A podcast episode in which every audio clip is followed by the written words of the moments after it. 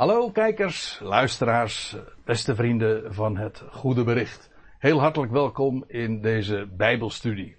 En het is vandaag dat ik jullie graag eens wil bepalen bij het thema dat jullie naast mij zien geprojecteerd. En het draagt als titel Zucht ook Gods geest. En de reden dat ik deze vraag zo opwerp is omdat ik eerder vandaag werd getriggerd. En dat had te maken met een, een artikel dat in een christelijke krant vandaag stond. Op de voorpagina. Het Nederlands Dagblad. En dat had als titel uh, Pinksteren, dubbele punt, God zucht met je mee. En het is goed misschien om dat, dat nog eventjes uh, een klein stukje daarvan voor te lezen. Waar ik dan ook speciaal ook op wil inzoomen. Want het is wat uh, rebels wat ik vandaag doe. Want ik ga namelijk er dwars tegen in wat hier wordt gezegd. Dus u en jij bent gewaarschuwd. Er stond namelijk dit. Het mooiste en diepste dat je misschien wel over de geest van God kunt zeggen, zei ooit de gereformeerde theoloog Okke Jager, is dat hij zucht. Gods geest, letterlijk zijn adem, zucht met mensen mee, met woordloos zuchten. En dat is ontleend aan Romeinen 8, vers 26. Nou, daar moeten we dan ook maar eens een keer zo direct naartoe gaan. Want ik wil straks uh, uit een heel ander vaatje tappen en laten zien dat dat er juist niet staat. En de opzet van deze studie is dat ik wil aantonen dat niet de geest van God, maar de schepping zucht. En Gods geest zucht zeker ook niet woordloos. Nou, dat is eigenlijk in drie punten, om het ook maar eens even heel goed gereformeerd uh, te formuleren en uh, naar voren te brengen. Uh, in drie punten ongeveer de samenvatting van wat ik wil aantonen, wil duidelijk maken, wil, wil uitleggen ook aan de hand van dat schriftgedeelte. Want wat we gaan doen is naar Romeinen 8. En dan daaruit vooral de versen 22 tot 27 wil ik in het voor het voetlicht plaatsen. Ik moet er trouwens bij zeggen dat hier uh, wel enige overlap uh, is met een studie die ik nog niet zo lang geleden heb gegeven. En dat had als titel Intensive Care. En dat was geloof ik eind maart dat ik daarover sprak. En dat ging ook over Romeinen 8, maar dat ging meer speciaal over het pleiten van Gods geest en ook het pleiten van de Zoon Gods aan de rechterhand. Uh, nu is de insteek een wat andere. En nu werd ik eigenlijk vooral ook uh, met name geprikkeld door dat artikel. En ik wil dat graag nog eens een keertje de puntjes op de i zetten. Want ik denk dat de dingen die ik hierover vertel heel afwijkend zijn van wat daar altijd over gezegd wordt. Ik zal u ook vertellen dat ik het altijd al, al jaren, een hele vreemde gedachte heb gevonden dat eh, Gods geest zou zuchten. En ik begreep ook nooit goed met, uh, met die, van die vertaling van onuitsprekelijke verzuchtingen. Hoezo? Gods geest? Zucht hij?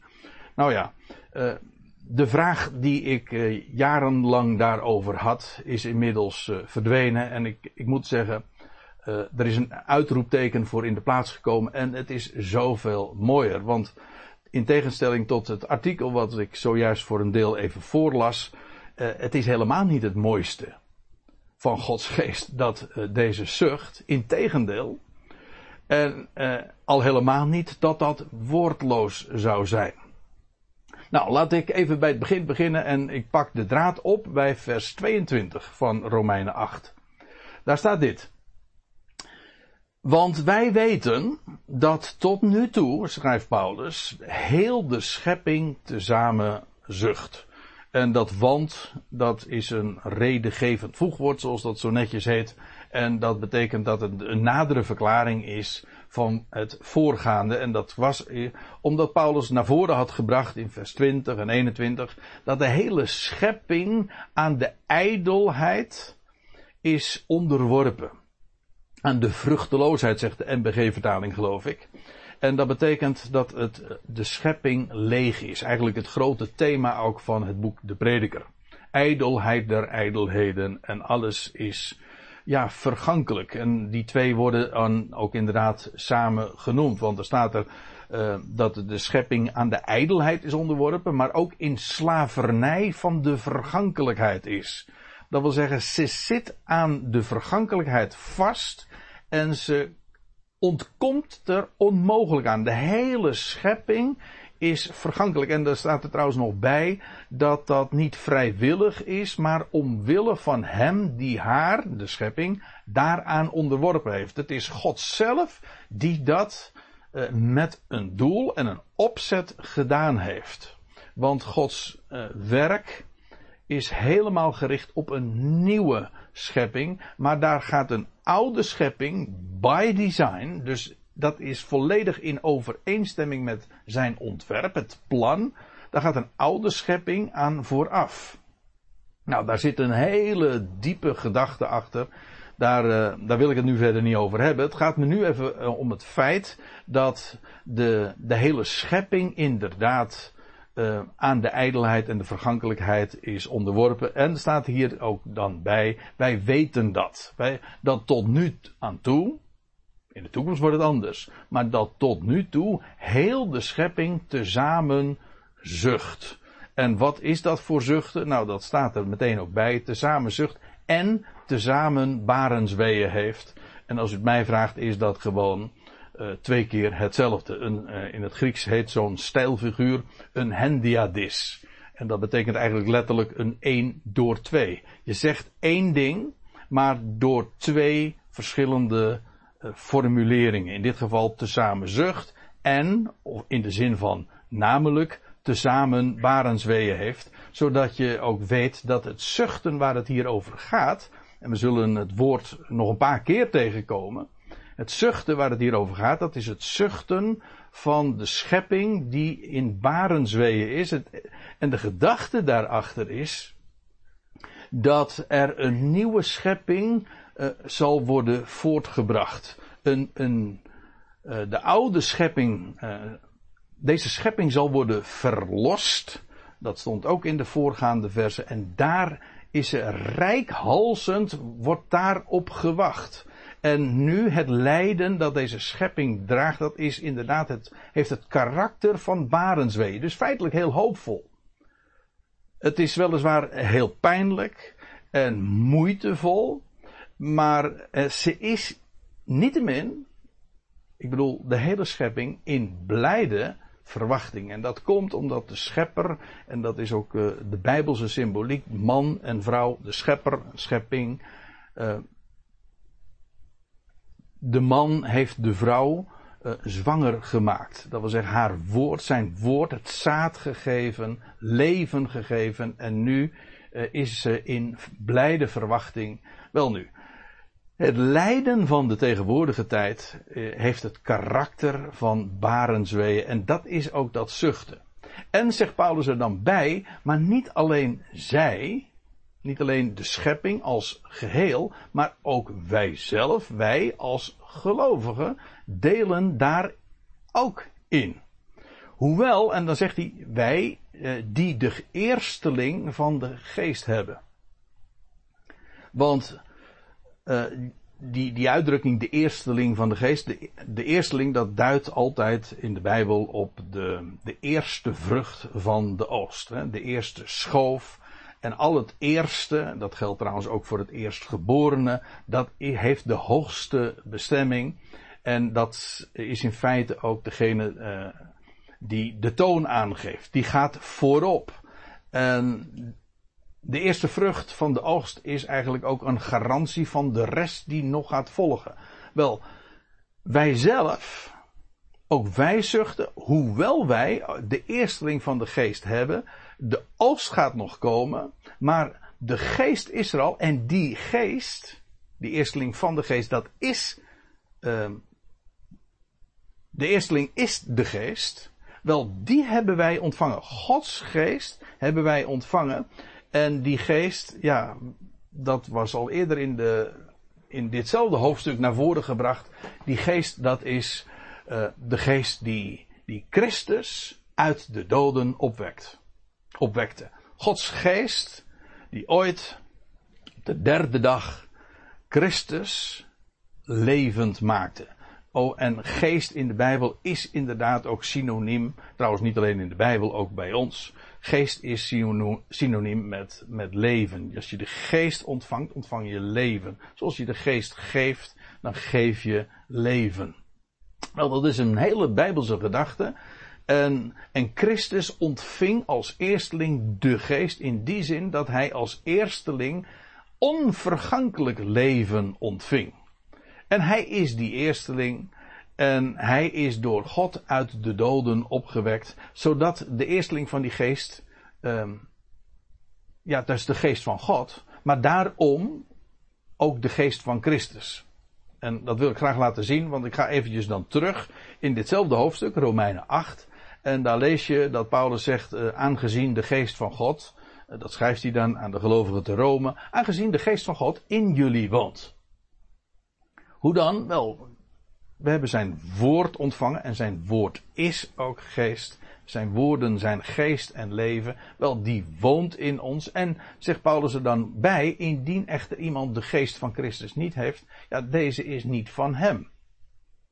Die behoort hem nu nog niet toe. En die weet zich nu nog niet het eigendom. Wel, wat hier op opvalt is dat Paulus de geest van God, gelijkstelt met de geest van Christus. En waarom hij dat doet is niet zo moeilijk. Ik lees even door. Uh, maar indien Christus in jullie is, is inderdaad het lichaam een dode vanwege de zonde, maar de geest is leven vanwege de gerechtigheid. Let op, de geest is leven. Die twee begrippen zijn, zoals ik zojuist al even aangaf, die zijn feitelijk synoniem zijn onderling uitwisselbaar. Gods geest ontvangen, dat is zijn leven ontvangen. En dat is inderdaad, uh, dat is leven vanwege de gerechtigheid, uh, vanwege rechtvaardigheid. God had het namelijk beloofd.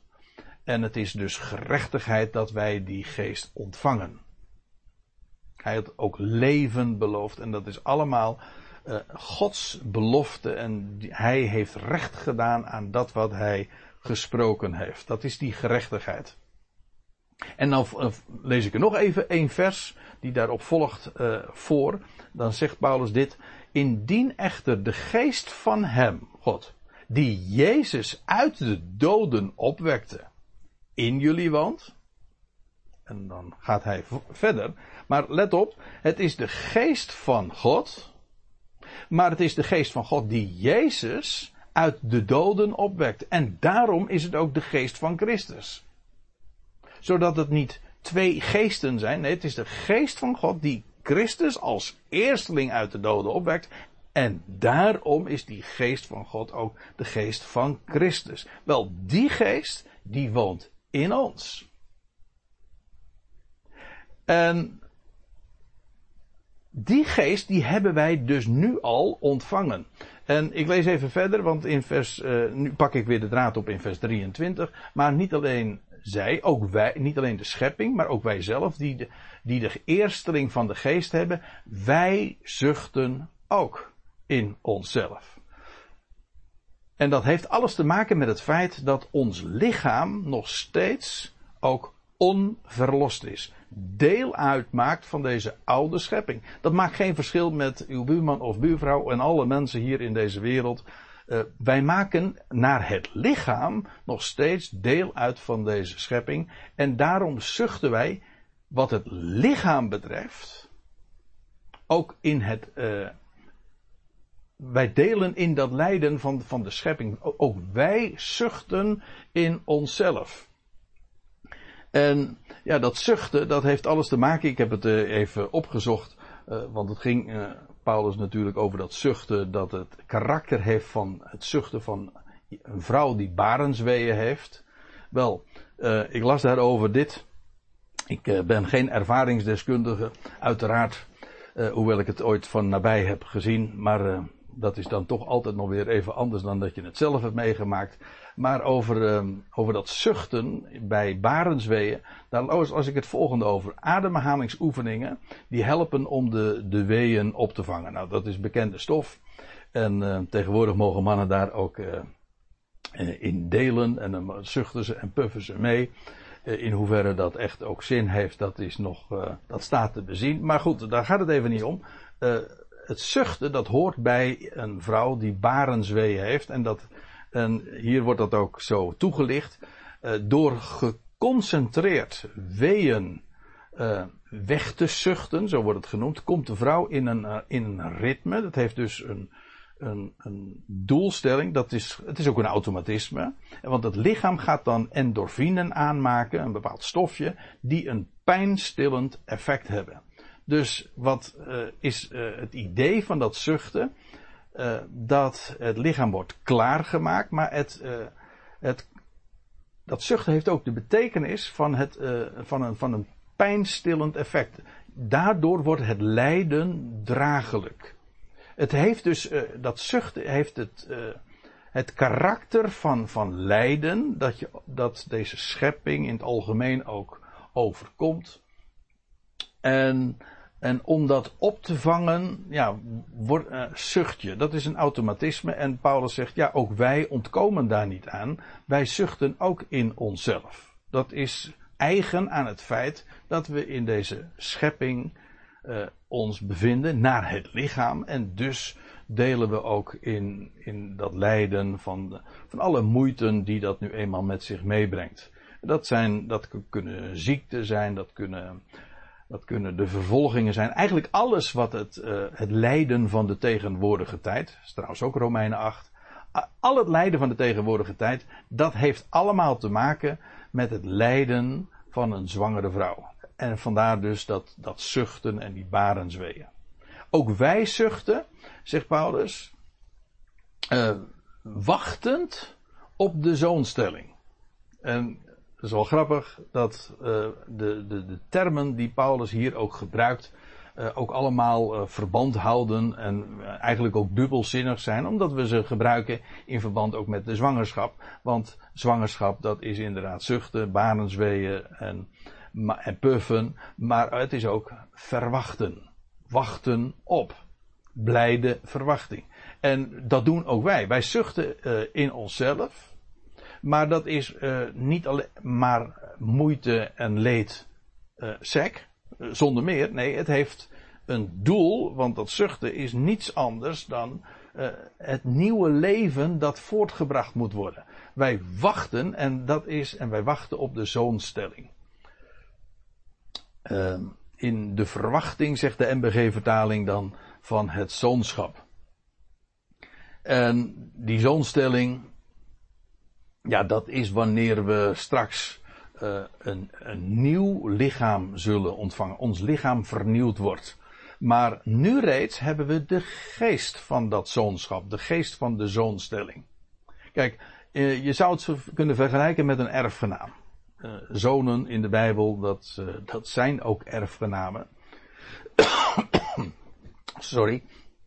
Die twee termen zijn ook, ja, die liggen helemaal in elkaars verlengde. Paulus zegt dat in, in Romeinen 8 en Galaten 4 ook. Van ja, zijn wij zonen, dan zijn wij ook erfgenamen. Maar uh, zoals dat met een erfgenaam ook zo is. Je kunt al een erfgenaam zijn zonder dat je de erfenis al daadwerkelijk hebt ontvangen.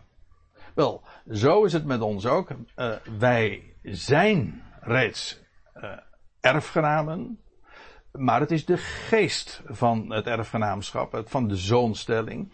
Eh, de daadwerkelijke erfenis, die wacht nog. Die gaan we straks ontvangen. En dat begint ja, bij de verlossing van ons lichaam. Een term die je gemakkelijk verkeerd zou kunnen opvatten. Want het idee daarbij is uitdrukkelijk niet dat we uh, uit ons lichaam zouden worden verlost. Maar uh, dat ons lichaam zelf wordt verlost. De verlossing van ons lichaam is de, het feit dat het lichaam verlost wordt. Trouwens, verlossing is ook weer zo'n dubbelzinnige term, want ook dat is in feite het einde van de zwangerschap. Dat noemen wij ook de verlossing. zodat alle termen die hier zo worden opgezomd verband houden met met, met de zwangerschap en, en de voltooiing daarvan. En hier is dat de verlossing van ons lichaam. Als ons lichaam verlost wordt, ja, dan is het zuchten voorbij. Want dan is, uh, hebben we een, een totaal vernieuwd lichaam waar het lijden inmiddels voorbij is. En Paulus had dat genoemd de vrijheid van de heerlijkheid van de zonen Gods. Geen vergankelijkheid meer. Het is onvoorstelbaar wat, wat voor heerlijkheid God voornemens is uh, aan deze schepping te geven. En de zonen, dat moet je weten, de zonen zijn, dat zijn degenen die als eerste uh, daarin zullen delen en zij zullen de schepping gaan beërven. Die zonen, dat is, die hebben een speciale positie om uh, de schepping ook mee te nemen en te gaan beheren. Maar let op, het is uh, het lot dat voor heel de schepping is weggelegd. Heel de schepping is aan het lijden onderworpen, maar ook heel de schepping zal worden bevrijd tot heerlijkheid. Dat is het universele doel dat God heeft met zijn creatie, met de hele schepping, met hemel en aarde en alles wat er is. Wel, zonen, zij hebben een speciale positie en wanneer begint dat? We hebben nu reeds de geest van dat zoonschap, maar de eigenlijke zoonstelling, ja, dat, uh, die vangt aan op het moment dat dit lichaam verlost wordt.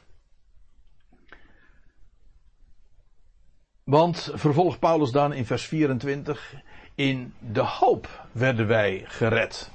Dus uh, onze redding ligt weliswaar vast, maar het is allemaal nog verwachting. En, en, en Paulus uh, voegt daaraan aan toe, hoop echter, dat is nogal logisch, hoop echter die gezien wordt, ja, is geen hoop. Hoop heeft altijd per definitie te maken met wat nog gaat komen. En daarom, dat wat je ziet, dat is dus niet wat je hoopt. Want hoe, zegt Paulus, zo, dat is een retorische vraag, hoe kan men hopen op hetgeen men ziet? Dat is onmogelijk, omdat uh, hoop per definitie te maken heeft met de toekomende dingen, die dingen die je nu nog niet ziet. En wij hebben hoop, wij hebben verwachting, wij hebben een woord, wij hebben, wij hebben al zekerheid. Want God heeft gesproken. En dus gaan wij daar vanuit. Het, is ook een, het wordt niet voor niks in de Bijbel ook vergeleken met een anker. Het is vast en zeker. Maar net als met een anker, die zie je ook niet. Die ligt onder de oppervlakte. Maar niettemin, eh, ze geeft nu reeds vastheid en zekerheid. En daar, eh, dat anker, ja, dat is uh, die hoop. En zegt Paulus, indien we echter hopen wat we niet zien, dat hopen, dat moet ik er even bij zeggen, dat is dus uh, zekere verwachting. Het voordeel van het woordje hopen is dat je uh, daarmee ook echt uitdrukt dat het positief is. Je ziet uit naar, naar iets, daar hoop je op. Uh, ik moet er wel bij zeggen, wij, wij denken bij hoop vaak aan iets wat onzeker is. Als je zegt van ik weet het niet zeker, maar ik hoop het. Maar dat is niet deze hoop. Het is werkelijke, zekere verwachting, maar iets waar we ook werkelijk naar uit kunnen en mogen kijken. Indien we echter hopen, zegt Paulus, wat we niet zien, want dat is wat hoop is, wachten we af door verduren. Dus ja, de, de garantie is ons gegeven.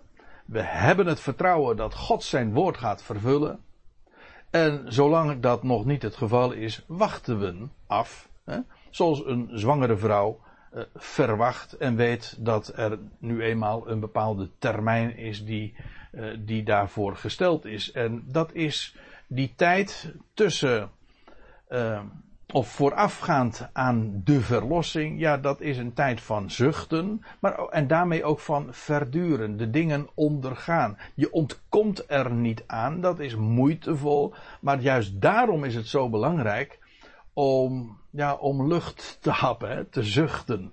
En, en in feite heeft dat ook te maken met, met uh, wat Gods geest ons geeft, uh, die, die adem van Hem. En daardoor kunnen we ook verduren. En nou komt het vers waar ik uh, speciale aandacht voor wil geven. Vers 26. Evenzo echter komt ook de geest onze zwakheid te hulp. Dat evenzo, dat, dat slaat op, uh, dat verwijst terug naar die hoop. De hoop hebben wij, maar er is nog iets. Evenzo echter komt ook de geest onze zwakheid te hulp. Dus er was iets anders wat onze zwakheid te hulp komt. Namelijk de hoop. In onze zwakheid is, hebben we die verwachting. Dat is de hoop. Maar evenzo uh, echter uh, komt ook de geest onze zwakheid te hulp. Dus in onze zwakheid staat de hoop ons bij, de verwachting, maar ook de geest. En wat is die geest? Nou, daar moeten we het uh, uh, nog over hebben. We hebben al tot dusver gezien, ja, die geest heeft alles te maken met, met dat nieuwe leven. Geest is leven. Het heeft te maken met, met God die Christus uit de doden heeft opgewekt. Als eersteling. Als garantie ook. Dus die hoop en geest hebben ook alles weer met elkaar te maken.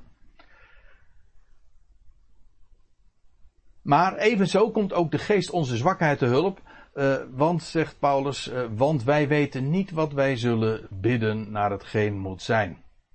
Als hij zegt, want wij weten niet, dan, uh, dan is dat, dan verwijst dat naar onze zwakheid. Onze zwakheid is dat wij niet weten, ja, dat wij niet weten wat we zullen bidden. Tenminste, dat is in ieder geval een onderdeel van onze zwakheid. Onze beperktheid. Is niet alleen maar het lijden dat we ondergaan, maar in dit lijden is het ook nog eens een keer zo dat we ons zwak en onbeholpen voelen, omdat we ook niet weten, vaak, meestal moet ik misschien zelf zeggen, en sommige mensen zouden zeggen, uh, zelden zelfs, uh, dat we niet weten waar de dingen goed voor zijn en dat we ook niet weten wat we zullen, wat we zouden bidden. Wat, want wat moet je bidden? Uh, Paulus zegt dat wij niet weten wat we zullen bidden naar hetgeen moet zijn. In de MBG-vertaling staat het denk ik niet helemaal correct uh, weergegeven.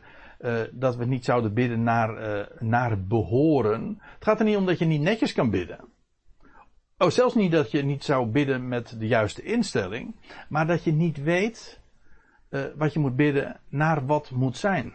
Want het hele verhaal is, je kunt erop vertrouwen dat Gods weg altijd de beste is, maar je weet niet welke weg dat is. En we hebben vaak de neiging om te denken dat als nou onze zwakheden maar worden weggenomen, uh, ja dan, en daar bidden we dan ook om. En van Paulus lezen we dat ook in, uh, in de tweede Korinthebrief, dat Paulus heeft dat zelf ook ooit beleefd. Hè, dat, dat, dat er een, een dat hij een doorn voor het vlees had, ongeacht wat dat is geweest. En dat hij God zo vurig heeft gebeden tot drie keer toe. dat, uh, dat dat weggenomen zou worden van hem. En dan kreeg het antwoord: Mijn genade is jou genoeg.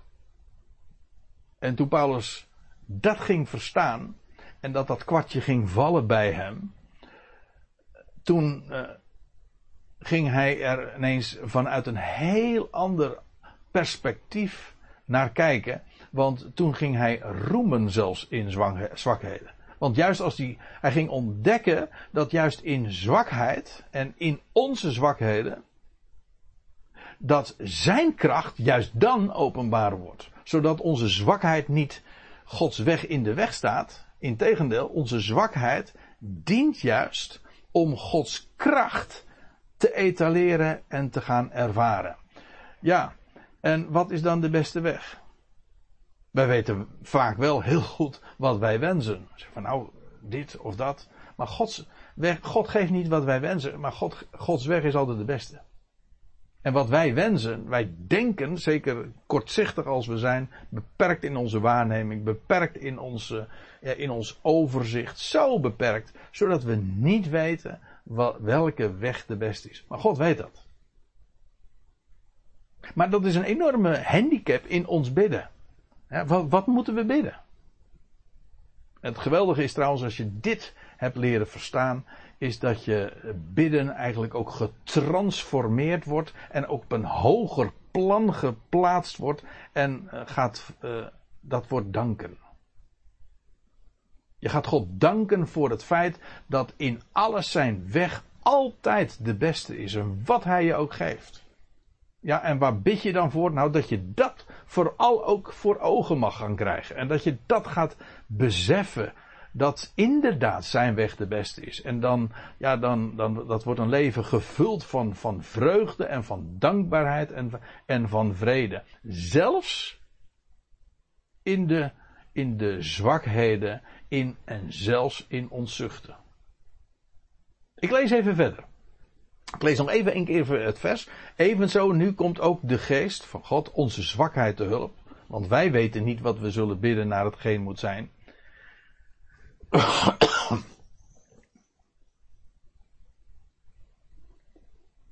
Maar de geest zelf, en nu komen we bij de uitdrukking waar ik eh, eigenlijk echt ook naartoe wilde gaan, in verband ook met dat artikel wat ik voor een deel even voorlas. Uh, maar de geest zelf pleit ten behoeve van ons. In onuitsprekelijke verzuchtingen. Nou moeten we het even heel goed lezen wat hier staat. En ook goed uh, gaan begrijpen wat Paulus hier bedoelt. Kijk, de geest zelf pleit ten behoeve van ons. En wat is dat pleiten dan? Wel, pleiten wil zeggen een goed woord spreken. En, God, en wat doet Gods geest? Ja, Gods geest spreekt. Dat is het geweldige van Gods geest, dat hij, dat hij woord doorgeeft. Zijn adem, ja, maar eh, als God zijn woord geeft, trouwens, woord komt altijd eh, door adem uh, uit de mond. Maar dat is met Gods geest ook. God spreekt zijn woord en zo geeft hij ook geest. En zijn woord, de schriften, dat is trouwens ook geïnspireerd, begeesterd, God geademd. Dat woord is vol van geest. Wel, dat, die geest die pleit ten behoeve van ons. En uh, dat betekent dat die geest een goed woord spreekt. Voor ons, tot ons, ten behoeve van ons, ook zelfs in ons. Maar die geest spreekt. Dat is wat dat pleiten ook is. Trouwens, als je even doorleest in datzelfde Romeinen 8, dan lees je dat de Zoon Gods, dat Christus ook uh, hij, is hij die stierf, wat meer is de opgewekte, die ook voor ons pleit. Aan de rechterhand Gods. Ook hij spreekt een woord. Namelijk ten behoeve van ons. En zijn woord is het dat, uh, dat pleit voor ons en dat uh, is ook voor ons. En let nu even goed op. Die geest die pleit dus in onuitgesproken verzuchtingen. Eerst eventjes dit.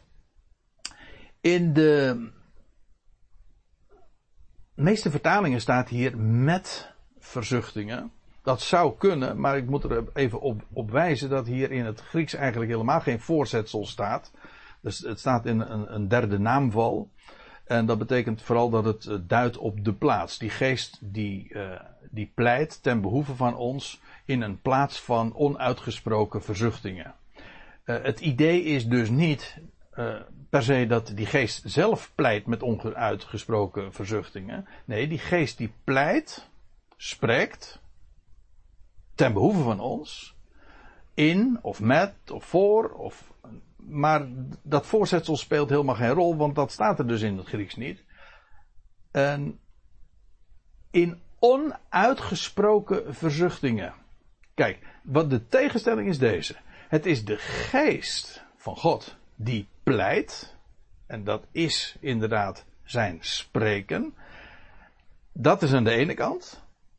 En aan de andere kant heb je de verzuchtingen zonder woord Maar dat is van ons. Het is dus niet Gods geest die met onuitgesproken eh, verzuchtingen verzucht. Nee, het is Gods geest die pleit in onze verzuchtingen.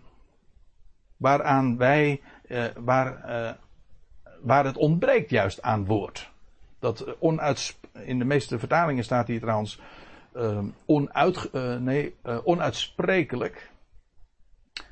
onuitsprekelijk. dat is denk ik niet de gedachte. Onuitsprekelijk, dat, is, dat zou duiden op de intensiteit. Als ik zeg van ik, het is onuitsprekelijk, dan bedoel ik van ja, het is zo groot, zo intens, het is niet in woorden te vatten. Dat is het idee niet. Het gaat er niet om dat het onuit, onuitsprekelijk is. Het, het is onuitgesproken. Zoals een, de verzuchtingen. Ik kom weer even terug bij die verzuchtingen eh, van een vrouw die barenzweeën heeft. Ja, die zucht. Zonder dat ze daar woorden aan geeft. De verzuchtingen. Die liggen helemaal bij de schepping die leidt. Ook bij ons. Jazeker, wij die naar het lichaam nog onverlost zijn. En wij verzuchten. En bij ons ontbreekt het aan woord. Maar juist daarom, in ons zuchten, is het zijn geest die wel spreekt en pleit ten behoeve van ons. Een goed woord spreekt. En dat is precies wat we zo hard nodig hebben. Bij onze moeite, bij ons zuchten, is het Gods geest die een goed woord spreekt en werkelijk voor ons pleit. Ik lees even verder. Hij nu, die de harten doorzoekt, dat gaat het over God zelf, die weet wat de gezindheid van de geest is. Ja. Uh, dat wordt trouwens uh, in ditzelfde hoofdstuk ook verklaard. Uh, de gezindheid van de geest is, en dat staat in hoofdstuk 8, in ditzelfde hoofdstuk dus, vers 6. De gezindheid van de geest is, dubbele punt, leven en vrede. Die geest, ja, spreekt van leven, maar die geest geeft ook vrede en dat woord dat hij spreekt en dat waar hij uh, voor, ten behoeve van ons voor pleit, dat is uh, leven en vrede en ook hoop. Maar juist daarom kunnen wij ook verduren en, en kunnen we de dingen overgeven. Maar dat is precies ook wat vrede is. Wel, dat is de gezindheid van de geest. Terwijl wij dus zuchten, ik, kan niet genoeg benadrukken, terwijl wij zuchten, terwijl het ons ontbreekt aan woord, is het de geest die spreekt en pleit ten behoeve van ons en zijn woord geeft en ons daarmee ook leven en vrede en die gezindheid geeft, zodat we in onze, in onze wandel in ons onverlost lichaam nu reeds leven en vrede mogen kennen. Een geweldige gezindheid. In feite die gezindheid hoort thuis bij de nieuwe schepping. Maar nu hebben wij al als eerste gave in de geest, uh, hebben we die beleving al. Dus uh, ja, het is eigenlijk al een, uh, een voorsmaak en een, een aanbetaling, eh, een onderpand van, van, van wat we straks in de volheid ook naar het lichaam gaan beleven. Maar we hoeven dus niet zo lang te wachten. We hebben nu namelijk al de geest van dat zoonschap en de geest, de gezindheid ook van de geest.